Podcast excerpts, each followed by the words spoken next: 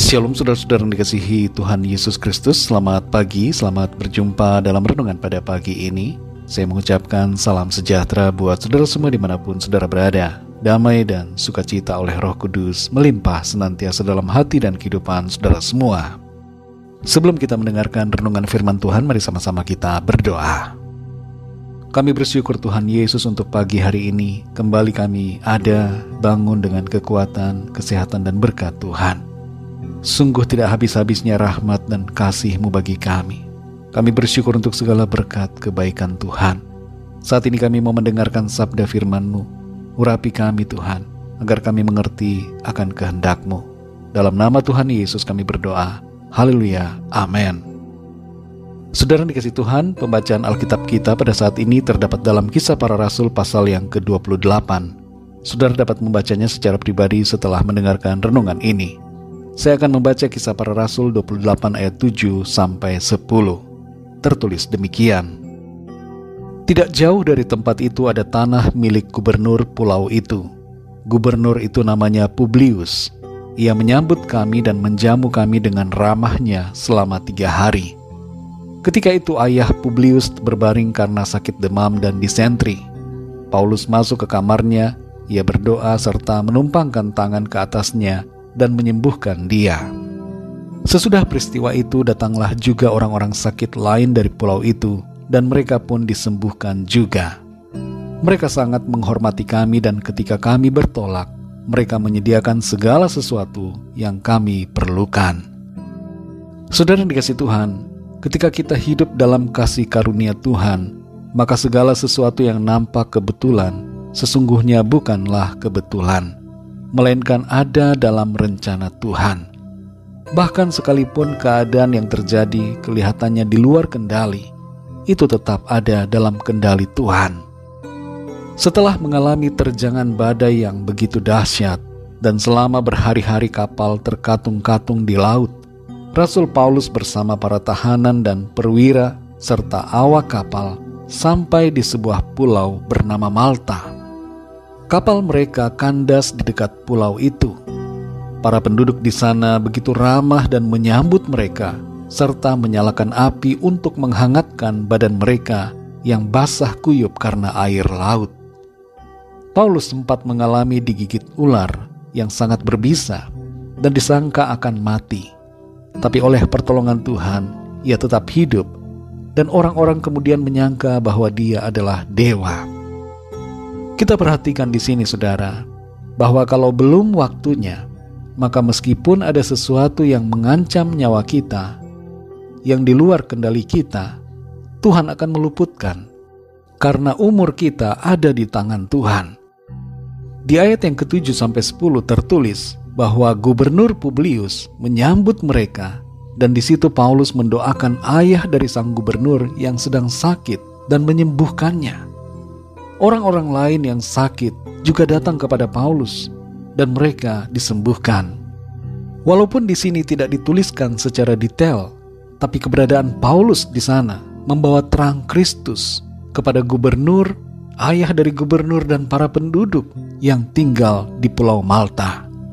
Padahal saudara kalau kita melihat kedatangan Paulus di Pulau Malta, itu bukanlah suatu kesengajaan, melainkan terjadi karena suatu kondisi badai dan bencana.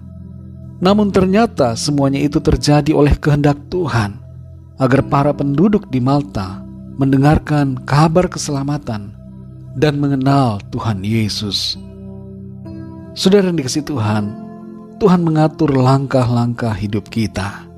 Dia ada beserta dan menuntun kita dalam rencananya. Apa yang nampak kebetulan bukanlah suatu kebetulan di dalam Tuhan. Kalau ada di antara saudara yang saat ini merasa sepertinya hidup saudara mengalami badai ataupun bencana, percayalah bahwa ada maksud Tuhan yang baik buat saudara. Tidak ada yang kebetulan dalam hidup kita. Mari belajar untuk tetap percaya kepada Tuhan di dalam badai persoalan sekalipun. Paulus mengalami berbagai kesukaran demi kesukaran, bencana dan persoalan. Tapi semuanya itu merupakan bagian dari proses rencana Tuhan dalam kehidupannya. Kalau saat ini kita diizinkan Tuhan melewati atau mengalami kesukaran, masalah, dan berbagai persoalan yang sulit, percayalah saudara, ada kemuliaan di balik semuanya. Karena Tuhan sedang membawa kita masuk ke dalam penggenapan rencananya yang baik, yang indah, dan mulia. Tetap beriman saudara, bersuka cita dan berpengharapan di dalam Tuhan. Apa pun yang terjadi dalam hidup kita, sekalipun kita tidak mengerti, itu semua ada dalam pengaturan Tuhan. Mari kita berdoa saudara. Bapa kami yang di surga, Bapa dalam nama Tuhan Yesus Kristus, kami sungguh mengucap syukur untuk firman-Mu yang sudah kami dengar pada saat ini. Kami belajar lewat apa yang terjadi terhadap Rasul Paulus.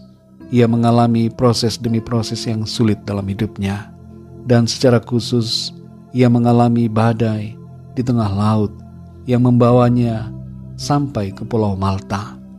Tapi di Pulau Malta ada maksud Tuhan agar nama Tuhan dimuliakan.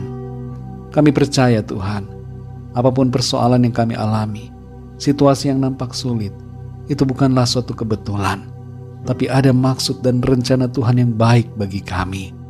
Dan karena itu kami percaya Tuhan akan menolong kami dan memakai kehidupan kami untuk menjadi berkat.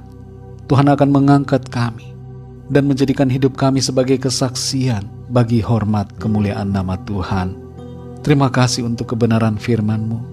Berbicaralah terus kepada kami Roh Kudus dan tuntun kami untuk semakin mengerti, semakin mengenal Engkau Tuhan, dan semakin setia kepadamu. Berkati kami di sepanjang hari ini dalam segala tugas, aktivitas, pekerjaan, dan pelayanan kami. Kami berdoa mohon lawatan Tuhan yang sakit mengalami kesembuhan, pemulihan, kesehatan yang sempurna, yang sedang lemah mendapatkan kekuatan baru, yang susah mengalami penghiburan dari Tuhan, yang terikat terbelenggu dosa dan kuasa kegelapan, mengalami kelepasan dan kemenangan dalam nama Tuhan Yesus, dan yang sedang dalam pergumulan masalah mendapatkan jalan keluar, pertolongan Tuhan yang ajaib dinyatakan. Terima kasih Tuhan Berkati bangsa negara kami Indonesia dan semua bangsa di dunia ini. Lawat dengan kasih karunia dan rahmatmu. Berkati gereja-gerejamu Tuhan. Setiap umatmu Tuhan berkati. Berkati keluarga kami masing-masing secara pribadi. Terima kasih Bapak kami mengucap syukur hanya dalam nama Tuhan Yesus Kristus, Tuhan dan Juru Selamat kami. Kami sudah berdoa dan mengucap syukur. Haleluya. Amin.